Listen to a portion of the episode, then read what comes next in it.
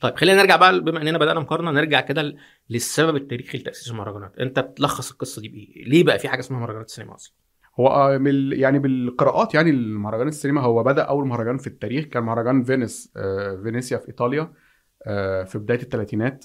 آه، واتعمل لسبب سياسي. يعني لما بنقرا بن- بنشوف إن كان هو الحزب الفاشي اللي هو بتاع موسوليني ويعني كانت محاولة ل... لأن السينما كان في بد- بدايتها وابتدت تتمتع بشعبية حوالين العالم وابتدى يعني الناس كتير بي...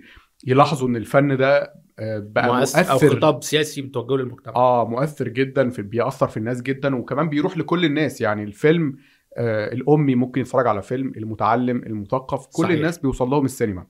فهو ساعتها ال ال ال الفكرة كانت أساسا مبنية على فكرة سياسية اللي هو أنا عايز أبقى أنا في إيطاليا في مدينة فينيس دي أعمل آه حدث يكون آه، آه، يخلي العالم كله يجيني أو إن هو يعترف إن أنا عندي مركزية معينة ليها علاقة بالسينما.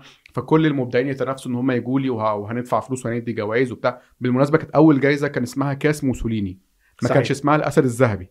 يعني كاس موسوليني دي كلمة تسمعها دلوقتي تضحك آه آه تضحك لأن هي كاس موسوليني دي حاجة دعائية جدا حاجة بروباجندا سياسية طبعا كان قبلها كان في آه، كان قبل الحرب العالمية الثانية ما تقوم وكان في أيوة. آه، آه، احتقان ما في ال- ده هو. أنا قريت إن مهرجان كان بدأ كاعتراض يعني أنا اللي فهمته على إن- فينيس. آه إن فينيس آه عمل الأمريكان والفرنسيين والإنجليز شافوا إن هم عمل زي إقصاء لأفلامهم فقرروا إن هم لا إحنا هنعمل بقى مهرجان بديل وكان أعتقد كان ال- النية إن هو يتعمل سنة 39 آه. بس هو ما شاء الله يعني بدايته فقر نفسها تاني يوم من بداية أول مهرجان كانت.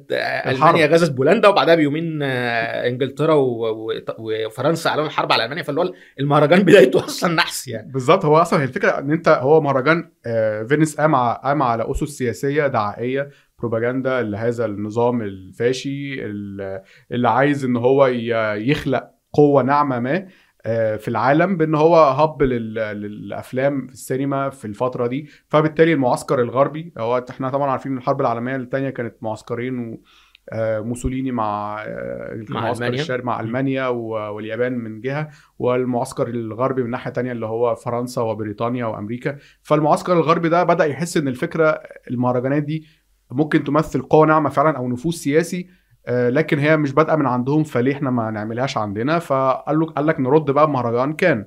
كان آه، بدأ آه، المفروض كان يبدا فعلا زي ما أنت قلت 39 لكن الحرب فبدأ بعد الحرب سنة 46 ولكن هنا هنا في رسالة إن إن إن المهرجانات الفنية عموما آه، قامت كفكرة سياسية دعائية ما قامتش كفكرة ثقافية أو فكرة بالظبط. هي النقطة دي مهمة لأن هم بيمجدوا نفسهم قوي كأن المهرجانات دي حاجة اتعملت لإنقاذ المجتمع من الفن الهابط. بينما هي بدايتها فعليا تسييس وإن أنت بتاخد السينما بتخليها خطاب زيها زي الجريدة الورقية زيها زي النشرة اللي بتسمعها في الراديو فدي نقطة برضو مهمة بغض النظر ان إن ده ممكن يبقى يعني غير الوضع القائم حاليا برضو عشان نبقى يعني امنا ما, ما نقدرش نقول إن العيوب دي كلها لسه موجودة وممكن نتكلم عنها يعني مش موجودة بس اتحولت لدعائية من نوع آخر ممكن نوصل لها بعد كده بس بس طبعا الفكرة السياسية اللي هي بال بالمفهوم القديم ده أكيد اتغيرت شوية بس اللي أقصد أقوله برضو إن كان كان في سينما قبل قبل المهرجانات. يعني كان في. آه. تشارلي تشابلن عمل تحفته Modern Times قبل ما يكون في مهرجان سينما في العالم يعني. يعني فاهم قصدي؟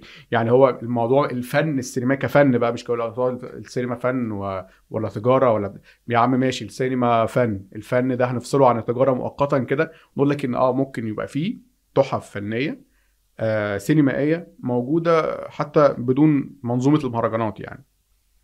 أنت شايف إن إيه فوائد المهرجانات؟ يعني لو حاولنا نقول أبرز الإيجابيات كده أنت شايف إن إيه فوائد المهرجانات حاليا الفكرة بقى المهرجانات كانت كانت فكرة مفيدة ثقافيا رغم إنها بدأت كفكرة دعائيه لكنها مع الزمن اتحولت آه، آه، لحاجة مفيدة فعلا في فترات اللي هي الستينات والسبعينات والثمانينات إن ال- الفترة دي كان فعلا الناس كان صعب إن أنت تشوف آه، أفلام من كل حتة. يعني هو فكرة بانورامية. بيعمل لك بانوراما للأفلام. حتى في بعض ال- المهرجانات بتسمي قسم كده قسم البانوراما. تمام. في مهرجان برلين مثلا. في عندنا في مصر حاجة اسمها بانوراما الفيلم الأوروبي. بانوراما يعني إن أنت اعرض لك يعني تشوف يعني فرجة.